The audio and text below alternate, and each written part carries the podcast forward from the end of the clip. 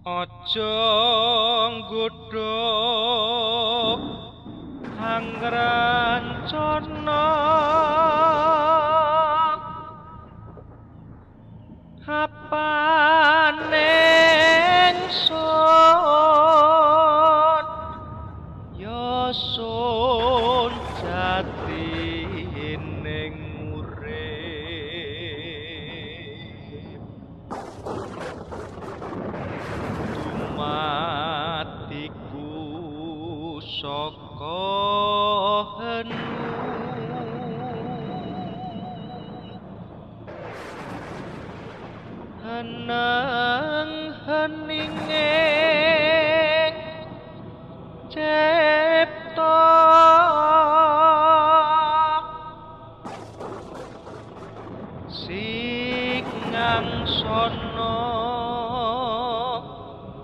Kata wangku kan rajaku.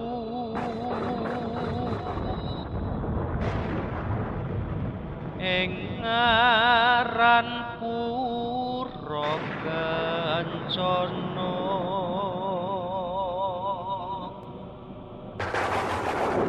Bebetengeng rajaku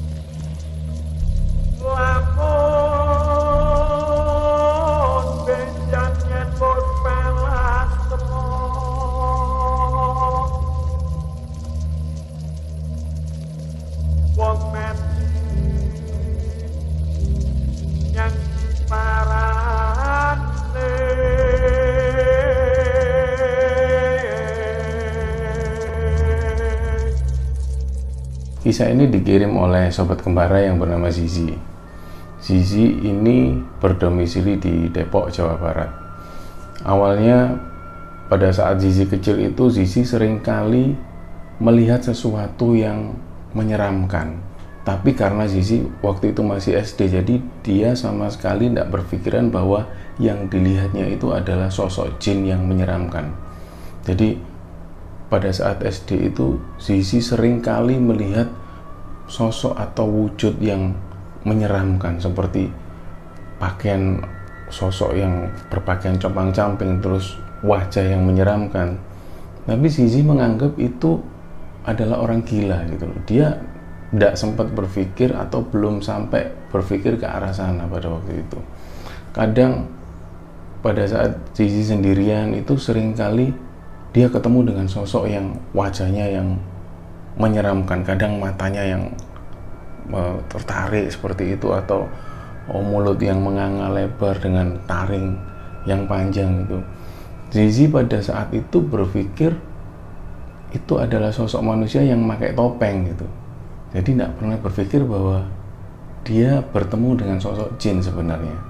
Nah pada waktu menginjak SMP Zizi semakin yakin kalau yang dilihatnya selama ini itu bukan manusia tapi sosok jin yang menyerupai sosok-sosok yang menyeramkan seperti itu. Kenapa Zizi yakin? Karena pada saat SMP itu dia pernah berjalan dengan salah satu temannya itu di sebuah lapangan yang besar dan sepi. Dia itu melihat sosok yang besar, tinggi besar, terus bulunya lebat seperti orang hutan tapi serba hitam semua matanya besar merah terus dengan uh, gigi taring yang keluar menjulang ke atas gitu loh. Jadi Zizi itu melihat sosok yang besar gitu loh. Sampai dia menonggak ke atas akhirnya Zizi itu bilang ke temannya eh, kamu nggak lihat itu? Kamu nggak lihat lihat ke atas lihat ke atas gitu. Nah temennya kan bingung karena temennya nggak sama seperti Zizi gitu loh. Zizi ketika itu melihat sosok yang besar hitam dengan mata yang merah gitu kan terlihat dari atas gitu sambil memainkan tangannya gitu. Tapi akhirnya teman Zizi itu nganggap ah kamu itu ngaco kamu itu sih loh serius aku lihat sosok besar itu loh bulunya hitam besar gitu.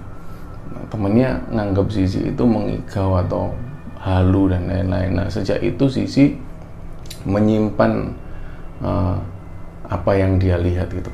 Sama sekali dia tidak mau cerita ke temennya karena takutnya dia dianggap halu dan lain-lain berimajinasi dan lain-lain. Nah berjalannya waktu itu Sisi malah sering kali melihat hal-hal yang aneh. Kadang itu dia ditemui sosok yang menakutkan di tempat-tempat sepi. Nah sering kali seperti itu tapi Sisi masih menyimpan uh, hal itu sendiri dan nggak mau cerita ke siapa-siapa karena takutnya Zizi dianggap halu oleh teman-temannya gitu loh. Sampai satu ketika Zizi duduk di bangku SMK waktu itu, dia masih belum mau cerita bahwa Zizi itu punya kelebihan gitu loh. Jadi teman-temannya masih nganggap Zizi itu biasa seperti orang-orang biasa. Sampai satu ketika itu Zizi dan teman-teman ini punya rencana untuk uh, main ke Curug di daerah Bogor situ. Curug itu kalau di Jawa Barat itu namanya air terjun ya. Kalau di Jawa Timur kita kenal dengan coban biasanya. Dan setiap kali air terjun itu punya sejarah sendiri-sendiri. Kalau misalnya di uh, kakek Budo yang ada di Jawa Timur itu itu menceritakan tentang seorang kakek yang awalnya dia ikut orang Belanda bekerja di situ lalu kemudian si kakek ini memutuskan untuk menyendiri di tengah-tengah hutan di dekat air terjun yang ada di Tretes itu kemudian orang Belanda ini menjuluki kakek ini dengan kakek bodoh karena meninggalkan semua uh, kemewahan lalu hidup sendiri di tengah hutan akhirnya air terjun itu dikenal dengan air terjun kakek bodoh begitu juga ada di daerah kaki Gunung Kawi itu ada yang namanya Coban Kelotak. Itu sejarahnya karena setiap malam air terjun yang ada di daerah itu setiap malam itu terdengar suara batu yang berjatuhan yang kelotak kelotak kelotak gitu akhirnya air terjun itu dinamai Coban Kelotak. Nah, begitupun dengan curug yang ada di Jawa Barat ini yang kebanyakan di Jawa Barat dinamakan curug karena uh, sejarahnya yang mau dikunjungi oleh Zizi dan kawan-kawan ini nama curugnya adalah Curug Putri Kencana. Kenapa dinamakan demikian? Karena banyak mitos yang beredar bahwa di curug ini sering kali terdengar suara perempuan yang kadang itu menangis, kadang juga bernyanyi. Ada mitos yang mengatakan bahwa di situ sering kali terlihat penampakan noni-noni Belanda ada juga warga situ yang bilang bahwa di situ itu tempat tempat bertapanya eh, orang-orang kerajaan di zaman dulu. Jadi awalnya memang curug tersebut bukan tempat wisata tapi tempat untuk bersemedi. Nah, warga juga sering kali melihat seorang putri dari kerajaan itu yang tiba-tiba lewat dengan kereta kencananya gitu cepat cepat dari kejauhan. Makanya curug tersebut dinamai Curug Putri Kencana hari itu Sisi dan teman-teman ini berangkat ke sana. Rame-rame 8 orang termasuk Sisi empat orang cewek dan empat orang cowok ke sana. Nggak tahu berangkatnya jam berapa yang Sisi masih inget dia sampai di curug tersebut itu sekitar jam 2 siang. Kemudian mereka main-main air dan lain-lain. Nah, memang curug-curug di daerah Bogor itu memang terkenal airnya yang jernih sekali sampai terlihat di dasar sungainya gitu loh. Jadi ada air terjun kecil yang kemudian terdapat kolam di situ yang bisa buat berenang. Ada yang sampai ketinggian sekitar 2 meter sampai 4 meter. Nah, setelah main-main air itu di atas itu ada semacam jembatan. Itu yang menghubungkan antara satu desa dengan uh, seperti hutan yang lebat gitu. Nah, karena jembatan itu menarik, akhirnya Zizi dan salah satu temannya, Aan namanya, dia nyoba foto-foto di situ. Nah, pada saat foto-foto, itu Zizi melihat di ujung jembatan itu dia ngelihat kayak nenek-nenek dengan pakaian kerajaan itu dengan stagen warna hijau dan baju kebaya hitam itu nenek-nenek tua rambutnya putih sampai sepinggul dia pakai tongkat hanya diam ngeliatin Zizi dan Aan yang lagi foto-foto. Nah karena Zizi yang waktu itu difoto jadi dia fokusnya hanya ke nenek-nenek yang ada di ujung jembatan itu. Terus si Aan ini ngajak Zizi ayo sih kita ke ujung situ yuk ke ujung jembatan. Nah Aan ini menunjuk ke arah di mana ada nenek-nenek di pojok itu. Nah Zizi itu agak gini an nggak usah an. Kita di sini aja yuk. Udah nggak apa-apa di situ agak bagus itu pemandangannya gitu. Nah ketika Zizi ngomong kayak gitu Aan ini masih terus menuju ke arah nenek-nenek yang diam tadi. Jadi ada nenek-nenek diam dengan memandangi mereka berdua. Pada saat Aan mau mendekatkan nenek-nenek itu Zizi itu teriak Aan jangan ke situ Aan jangan ke situ. Saat Aan noleh ini hampir aja ini Aan nabrak sosok nenek-nenek itu tadi. Untung Zizi teriak itu tadi. Dan Aan noleh akhirnya Aan balik ke arah Zizi terus tanya kenapa sih? Enggak enggak enggak. Udah jangan ke situ yuk. Nah akhirnya mereka cari tempat foto lagi kan di daerah situ. Pada saat Aan sama Zizi ini foto-foto Zizi ini fokus fokusnya ini ada di aliran air terjun itu. Dia itu ngelihat kayak ada batu ukuran besar terus di situ dia ngelihat ada sebuah singgasana yang bagus sekali dengan sepuan emas gitu. Dia itu melihat ada kayak putri raja itu duduk dengan anggun gitu kan. Dengan anggun sambil memandangi Zizi dan jadi Zizi itu pada saat dipotret itu pada saat foto-foto itu dia nggak fokus. Sesekali itu dia ngelirik ke arah air terjun itu di mana ada putri yang duduk di singgasana itu. Ya dia ngelihat gitu. Nah putri yang cantik itu dia dengan anggun duduk itu sambil memandangi Zizi dan pada saat mereka saling bertatap-tatapan itu putri itu senyum ke arah Zizi. Sambil senyum gitu. Nah Zizi yang ngerasa disenyumi oleh putri itu akhirnya dia dia nyambut senyumnya putri itu tadi. Dia nyambut senyumnya. Tapi ada juga rasa takut karena dia ngelihat sesuatu yang pasti bukan manusia gitu karena posisi singgasananya itu ada di uh, dekat air terjun ada batu besar itu ada dia putri itu duduk di kursi yang sebelah air terjun itu. Nah akhirnya nger Dizzy ngerasa nggak nyaman dengan adanya putri itu Zizi ngajak Aan turun ayo An udah yuk selesai yuk. Akhirnya mereka istirahat di uh, warung yang ada dekat situ. Saat mereka minum-minum minum teh dan segala macam. Nggak lama setelah itu Zizi itu ngerasa uh, badannya itu agak mual terus agak nggak enak badan di tengkuk belakangnya itu agak berat gitu. Terus dia izin ke teman-temannya nah karena ini Zizi ini sungkan. Kalau mau ngajak pulang ini sungkan karena teman-temannya masih asik bercanda dan segala macam itu terus Disi sempat nahan sebentar rasa mual dan sakitnya itu tiba-tiba pusingnya ini semakin nambah kayak di tengkuk belakang ini berat gitu. Terus dia terpaksa ngomong ke teman-temannya teman-teman pulang yuk. Aku agak nggak enak badan ini. Akhirnya teman-temannya oh kenapa kamu sih agak pusing aku mual gitu. Akhirnya teman-temannya memutuskan ayo yuk pulang yuk. Nah itu sekitar jam 4 sore. Pada saat mereka memutuskan untuk pulang itu tiba-tiba yang cuaca yang semula cerah dan eh, nggak e, mendung sama sekali itu tiba-tiba gerimis, gerimis. Akhirnya mereka cepat mempercepat langkah kaki menuju ke parkiran motor itu kan. Begitu sampai di parkiran motor ini hujan ini semakin deras. Nah akhirnya teman-teman memutuskan untuk, ayo cepet yuk kita jalan aja yuk memutuskan untuk tetap jalan menuju pulang.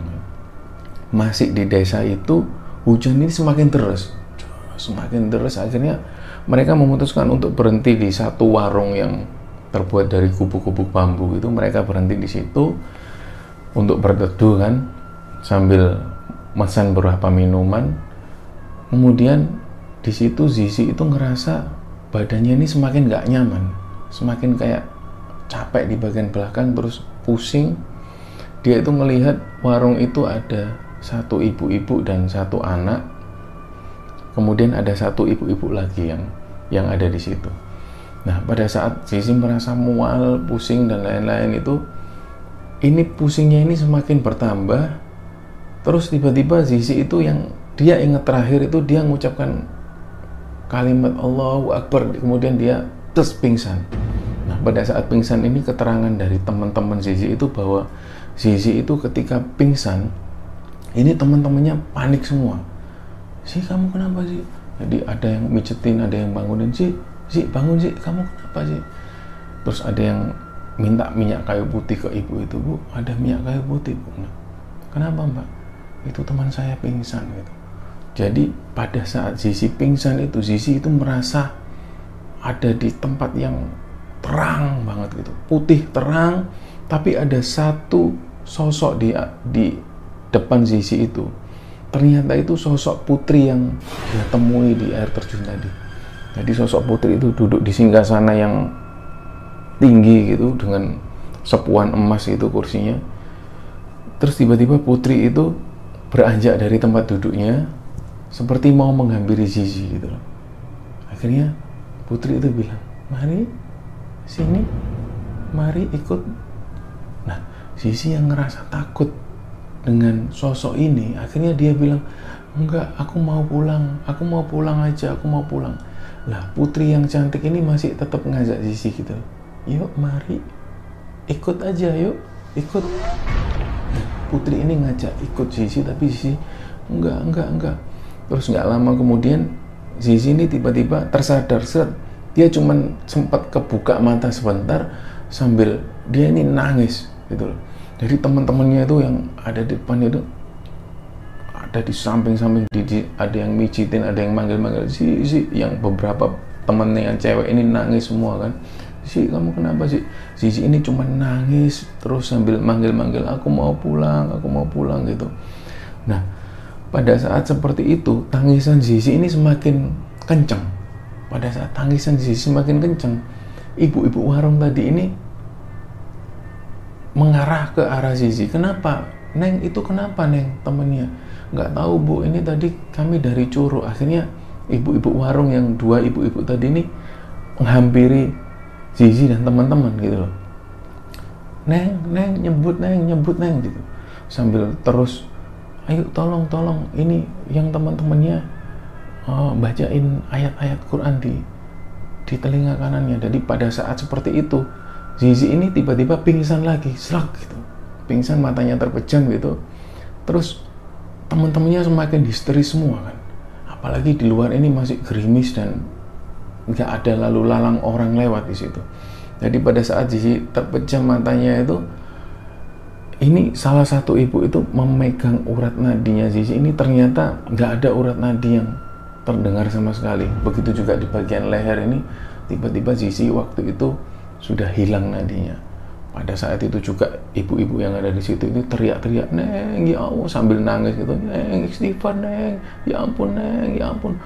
Nah, pada saat ibu-ibu itu histeris seperti itu, akhirnya teman-temannya Zizi ini semakin histeris juga. Si, si, bangun si, bangun si. Karena pada saat itu Zizi ini sudah pucat dan nadinya sudah nggak ada. Akhirnya teman-temannya nangis semua kan Nah, cerita Zizi pada saat dia yang hilang nadinya itu, Zizi itu merasa dia itu sudah kayak di atas dan dia itu ngelihat uh, badannya sendiri. Zizi itu ngelihat badannya sendiri dikerubungi oleh teman-temannya dan ibu-ibu tadi yang megang tangannya sambil nangis itu. Dia itu ngelihat persis badannya di, dengan kerumunan teman-teman itu. Pada saat itu juga Zizi itu ngelihat orang-orang yang ada di sekitar situ berlarian karena tangisan ibu-ibu tadi yang ada di warung. Jadi pada saat itu uh, teman-temannya Zizi ini disuruh oleh ibu warung, Neng, tolong Neng di telinga kirinya dipanggil namanya terus Neng, Zizi, Zizi gitu, Zizi dipanggil terus. Nah, si temannya yang cowok membacakan ayat-ayat Quran di telinga kanannya gitu.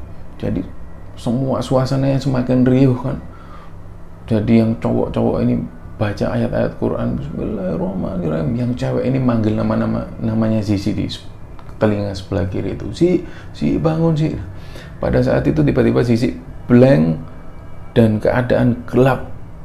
Gelap benar-benar gelap. Dia nggak bisa lihat apa pun kecuali ada suara temennya ini yang Sisi si bangun sih tapi dari arah yang sangat jauh gitu.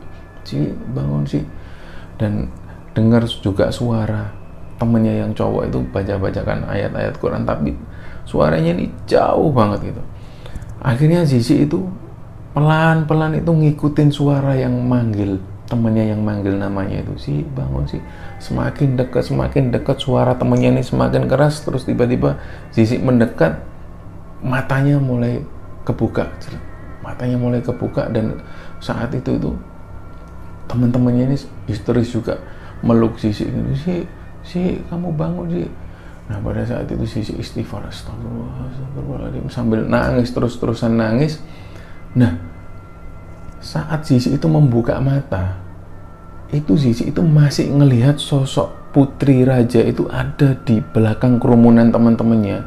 Itu sambil melotot terus kayak mau nuding Zizi gitu. Sambil nuding arah ke arah Zizi terus tiba-tiba nggak lama kemudian salah satu temennya Zizi yang namanya Rahma ini kemudian kayak seperti kerasukan gitu. Seperti kerasukan matanya melotot? Tiba-tiba dia ini yang Rahma ini mencekik lehernya Zizi gitu loh. Sambil mencekik lehernya Zizi terus narik tangannya Zizi mau dibawa lari gitu loh. Lah karena di situ banyak kerumunan warga akhirnya warga ini memegang si Rahma dan si Sisi ini. Megang Rahma dan Sisi. Terus kemudian ada salah satu bapak-bapak itu yang coba membacakan ayat-ayat Quran itu. Kemudian si Rahma ini sadar kan sadar lagi. Dan nggak lama kemudian warga berbondong-bondong bawa Sisi dan teman-teman ini ke salah satu rumah warga gitu. Ternyata kebetulan ada salah satu ibu yang ada di warung itu yang kebetulan juga istrinya kepala desa yang ada di desa itu gitu pada saat di rumah kepala desa itu kemudian uh, beberapa warga ini manggil ustadz yang ada di desa itu untuk didatangkan di situ. Kemudian warga disuruh baca-baca ayat ayat Quran semua sambil melingkar untuk menetralisir energi-energi uh, negatif yang sempat nempel di sisi dan teman-teman itu. Di luar itu hujan masih gerimis dan warga beberapa warga ini berdiri di depan rumah sambil melihat kondisi Sisi dan teman-teman itu kan. Nah, akhirnya si Ustadz ini bilang, Alhamdulillah, uh, Neng akhirnya nggak sampai jadi korban Neng gitu. Nah, emangnya saya kenapa ya Pak? Gitu. Sisi bilang seperti itu. Ternyata uh, pengakuan dari warga sekitar itu Neng itu mau diajak sama putri Neng, putri raja yang ada di situ. Memang putri itu sering kali ngajak kadang-kadang itu pengunjung yang berkunjung ke curug itu diajak untuk ikut ke kerajaan mereka itu loh. Kerajaan jinnya mereka. Beberapa hari yang lalu itu Neng ada uh, rombongan wisatawan yang dua orang laki-laki ini tiba-tiba lari ke desa, ke rumah warga itu dan dia bilang kalau ada temennya yang tenggelam dan hilang di curug situ gitu. Ketika dicari oleh warga ternyata jasadnya belum ketemu gitu. Nah, pengakuan warga itu bahwa salah satu cowok yang hilang itu diambil oleh putri dijadikan suaminya di kerajaan gaib mereka gitu.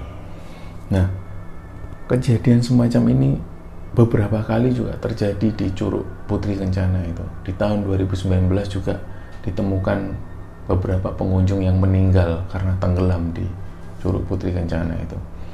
Awalnya warga mengira itu adalah uh, rayuan putri itu juga yang mengajak mereka ke alam goibnya gitu akhirnya warga di sana ini saling apa ini ngasih minum ke Zizi terus menceritakan tentang sejarah curug itu. Akhirnya Zizi uh, nangisnya ini sudah mulai mereda. Dan di situ saat itu Zizi itu matanya hitam semua karena nangis terus menerus kan jadiannya seperti itu akhirnya beberapa warga berinisiatif untuk mengantarkan Zizi dan teman-teman menuju ke rumahnya Zizi. Nah yang cewek-cewek naik mobil kemudian yang cowok-cowok di belakang ikutin naik motor gitu. Kejadian itu betul-betul diingat oleh Zizi dan Zizi merasa pada saat itu dia mati suri sesaat. Yang dilihat oleh teman-teman Zizi itu kehilangan nadinya sekitar lima menit. Tapi yang dirasa Zizi itu dia ngerasa dia lama sekali. Seperti dia apa ini tersesat di ruang yang gelap banget dan nggak ada suara sama sekali gitu. Nah hal itulah yang kemudian diceritakan Zizi kepada kembara sunyi itu yang awalnya dia bercerita Zizi ini sering kali melihat hal-hal yang goib yang awalnya dia nggak tahu bahwa yang dilihat adalah sosok jin.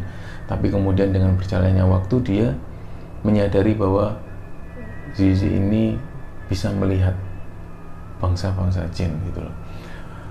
Dan pengakuan dari kakak Zizi sendiri ketika Zizi menceritakan sampainya di rumah itu dia menceritakan ke orang tuanya bahwa kejadiannya itu dia beberapa kali pingsan dan sempat mati suri. Itu ibunya nangis. Dan semua keluarganya ketika diceritakan hal itu mereka semua nangis sedih gitu kan. Tapi ada salah satu kakak Zizi itu yang bilang bahwa kalau kalau aku udah biasa lihat kamu seperti itu karena kamu itu dulu sering kali melihat hal-hal yang seperti itu. Dulu kalau kamu ingat kamu masih kecil itu aku sama kamu sama bapak itu pernah di stasiun kereta. Waktu itu kita nyebrang rel. Terus kamu itu tiba-tiba sih kamu itu tiba-tiba nunjuk ke arah sana. Itu seperti ada kereta yang lewat. Kamu itu teriak kenceng seolah-olah ada kereta yang mau lewat. Padahal saat itu aku sama bapak itu nggak lihat kalau ada kereta gitu loh. Ini pengakuan dari kakaknya Sisi gitu loh. Nah itulah yang bisa diceritakan Sisi kepada tim kembara sunyi yang beberapa waktu kemarin kita juga mengkonfirmasi kebenarannya dan Sisi mengakui bahwa kisah ini benar adanya dan Sisi juga mengirimkan pengakuannya uh, secara live melalui video berikut ini. Oke okay guys, jadi di sini aku mau cerita tentang pengalaman pribadi aku waktu aku main ke Curug Putri Kencana. Jadi setelah aku pingsan di warung itu, kalau kata temen aku, aku tiba-tiba nangis, kejar banget, sek-sekan sampai sampai kayak nggak bisa nafas gitu. Sambil tangan aku tuh sampai sampai ngepel ngepel kayak gini kencang banget. Karena yang aku rasain tuh aku kayak ditindin sama sesuatu tapi aku nggak tahu yang nindihin aku itu apa. Sosok apa aku tuh nggak tahu. Badan aku bener-bener nggak bisa gerak kaku. Sampai aku mau ngomong pun aja tuh nggak bisa. Aku berusaha nyebut nama Allah aku istighfar aku berusaha untuk nyebut takbir. Sampai akhirnya aku bisa melek dan cuman nangis aja sambil bilang nggak mau nggak mau aku nggak mau ikut aku mau pulang aku mau ketemu mama aku mau ketemu papa aku mau ketemu teman-teman. Akhirnya ibu yang di warung itu keluar dan nanya ke temen aku neng ini temennya kenapa? Karena aku nangis terus dan cuma nangis terus akhirnya kata yang terakhir aku ucap itu Allahu Akbar. Jadi aku nyebut Allahu Akbar. Dan tiba-tiba aku pingsan. Yang aku rasain itu aku ada di satu ruangan tuh yang bener-bener gelap banget gelap bener-bener gelap banget itu yang aku rasa. Tapi kalau menurut temen aku nadi aku sempat berhenti. Dan temen aku yang namanya An itu ngecek nadi aku di tangan. Dan si ibu yang di warung itu ngecek nadi aku di uh, bagian leher. Dan nadinya tuh bener-bener berhenti. Akhirnya teman-teman aku pada nangis. Aan pun yang ngecek nadi aku pun nangis sampai ketakutan. Dan si ibu juga nangis sambil bilang ya Allah neng nyebut gusti Allah neng nyebut gusti Allah neng gitu. Allahu Akbar ya Allah neng astagfirullah nyebut gusti Allah neng karena si ibu teriak-teriak akhirnya warga pada keluar dan bantu doa. Temen aku nanya bu ini temen aku kenapa? Dan si ibu jawab bantu doa ya neng. Temen neng mau dibawa sama si putri. Neng bisikin aja di telinga kirinya panggil-panggil namanya suruh dia pulang. Dan dan emas. Jadi si ibu itu nunjuk temen aku yang namanya Ani itu untuk bisikin di telinga kanan aku uh, ayat-ayat ayat-ayat Al- Al-Quran ayat-ayat suci Al-Quran. Dan yang aku rasain di saat itu tuh aku ada di ruangan yang bener-bener gelap banget terus tiba-tiba kayak di di depan aku gitu ada cahaya yang membentuk kayak kayak gerbang gitu. Kayak gerbang. Itu cahaya dan aku ngeliat si sosok putri yang aku lihat di singgah sana tadi. Dia itu berdiri di depan gerbang itu. Sambil bilang mari mari ikut saya. Dan dirinya tuh kayak anggun banget gitu dan senyum. Itu orangnya eh, sosoknya itu bener-bener cantik banget. Dan dia manggil-manggil aku mari mari ikut saya.